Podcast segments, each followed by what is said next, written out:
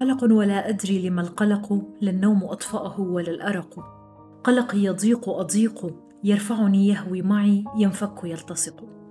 هالقصيدة للشاعر يحيى الحمادي وبتحكي عن أكثر الأمراض النفسية شيوعاً؟ وكتير أدباء وشعراء وفلاسفة حكوا عن نفس المرض. بحلقة اليوم بدي أحكي عن القلق.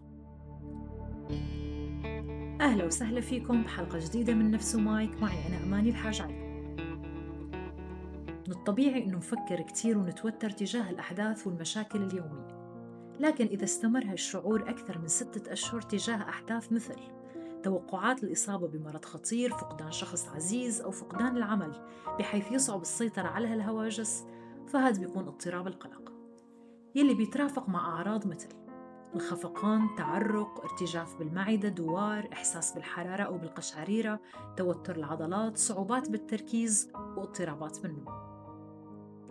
بحسب إحصاءات Lancet Journal ارتفع اضطراب القلق بنسبة 25% ليصل تقريبا إلى 374 مليون شخص خلال عام 2020 أو فترة كوفيد 19 مقارنة ب 298 مليون شخص بالفترة ما قبل كوفيد 19 وكانت النسبة عند الإناث أعلى من الذكور بمعدل 28% تقريبا. وزارة الصحة الأمريكية صنفت أكثر خمس أنواع من القلق شيوعاً على الشكل التالي. أولاً اضطراب القلق العام GAD General Anxiety Disorder. يتميز هالنوع بالقلق المزمن والتوتر المبالغ فيه من كل شيء حتى بعدم وجود أي شيء يثيره ثانياً الوسواس القهري OCD Obsessive Compulsive Disorder. وبيتميز بوجود وساوس مثل الشعور بقلة النظافة أو عدم التأكد من أي شيء بشكل عام.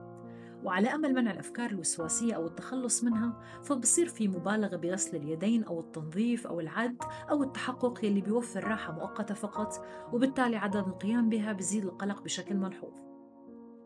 ثالثاً اضطراب الهلع panic disorder يتصاحب بنوبات مفاجئة ومتكررة من الخوف الشديد تمتد بين الخمسة للعشرين دقيقة.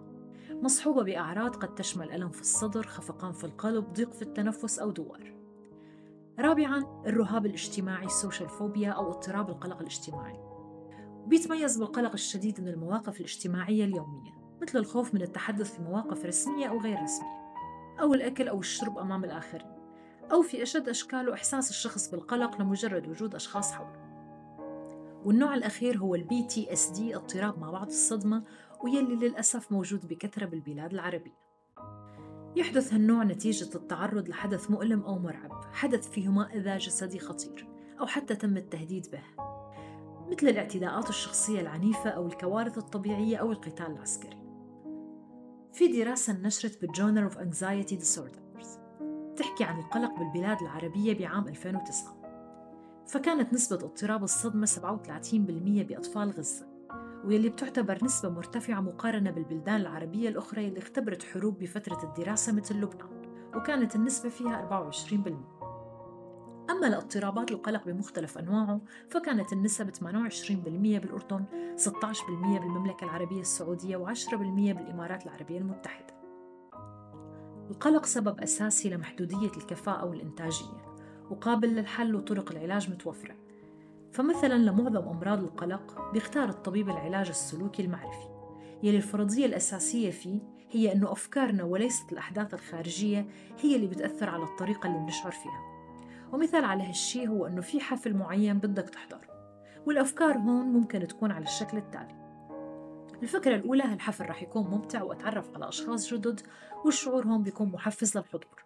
الفكرة الثانية أنا ما بعرف كيف ممكن أتصرف بالحفل وممكن أني أطلع مثل الأبله فالشعور هون محبط وغير محفز لحضور الحفل.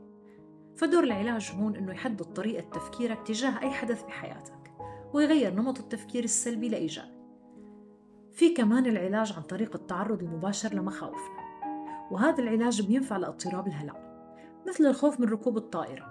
يعالج عادة بمشاهدة فيديو كامل عن طريقة إقلاع وهبوط الطائرة. وكل وسائل السلامة المزودة فيها وبالتالي تشجيع الشخص على التغلب على المخاوف ومواجهتها مباشرة. وفي العلاج الدوائي يلي عادة بيستخدم مثبطات امتصاص السيروتونين الانتقائية وهو طبعا بقرر الدكتور حسب حالة الشخص وحدة المرض. بالنهاية أشخاص كتير بيعانوا من القلق بالبلاد العربية ولأنه بتتميز مجتمعاتنا ببنية أسرة قوية فتفهمنا للقلق وأسبابه ونتائجه بيساعد بخلق بيئة دعم من أشخاص مقربين حول الشخص القلق للتغلب على هالحالة. كمان ضرورة وجود الأخصائيات النفسيات عامل مهم لمساعدة النساء لأنه بيوفر أريحية أكثر من التعامل مع أخصائيين نفسيين.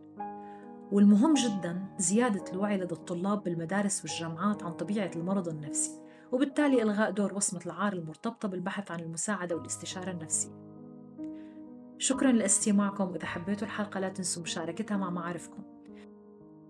وإذا حبيتوا تناقشوا أكثر معنا موضوع القلق فتفاعلوا معنا عن طريق حساب البودكاست على تويتر @نفسندمايك وللاطلاع على مراجع الحلقة بتلاقوها بأسفل موضوع الحلقة.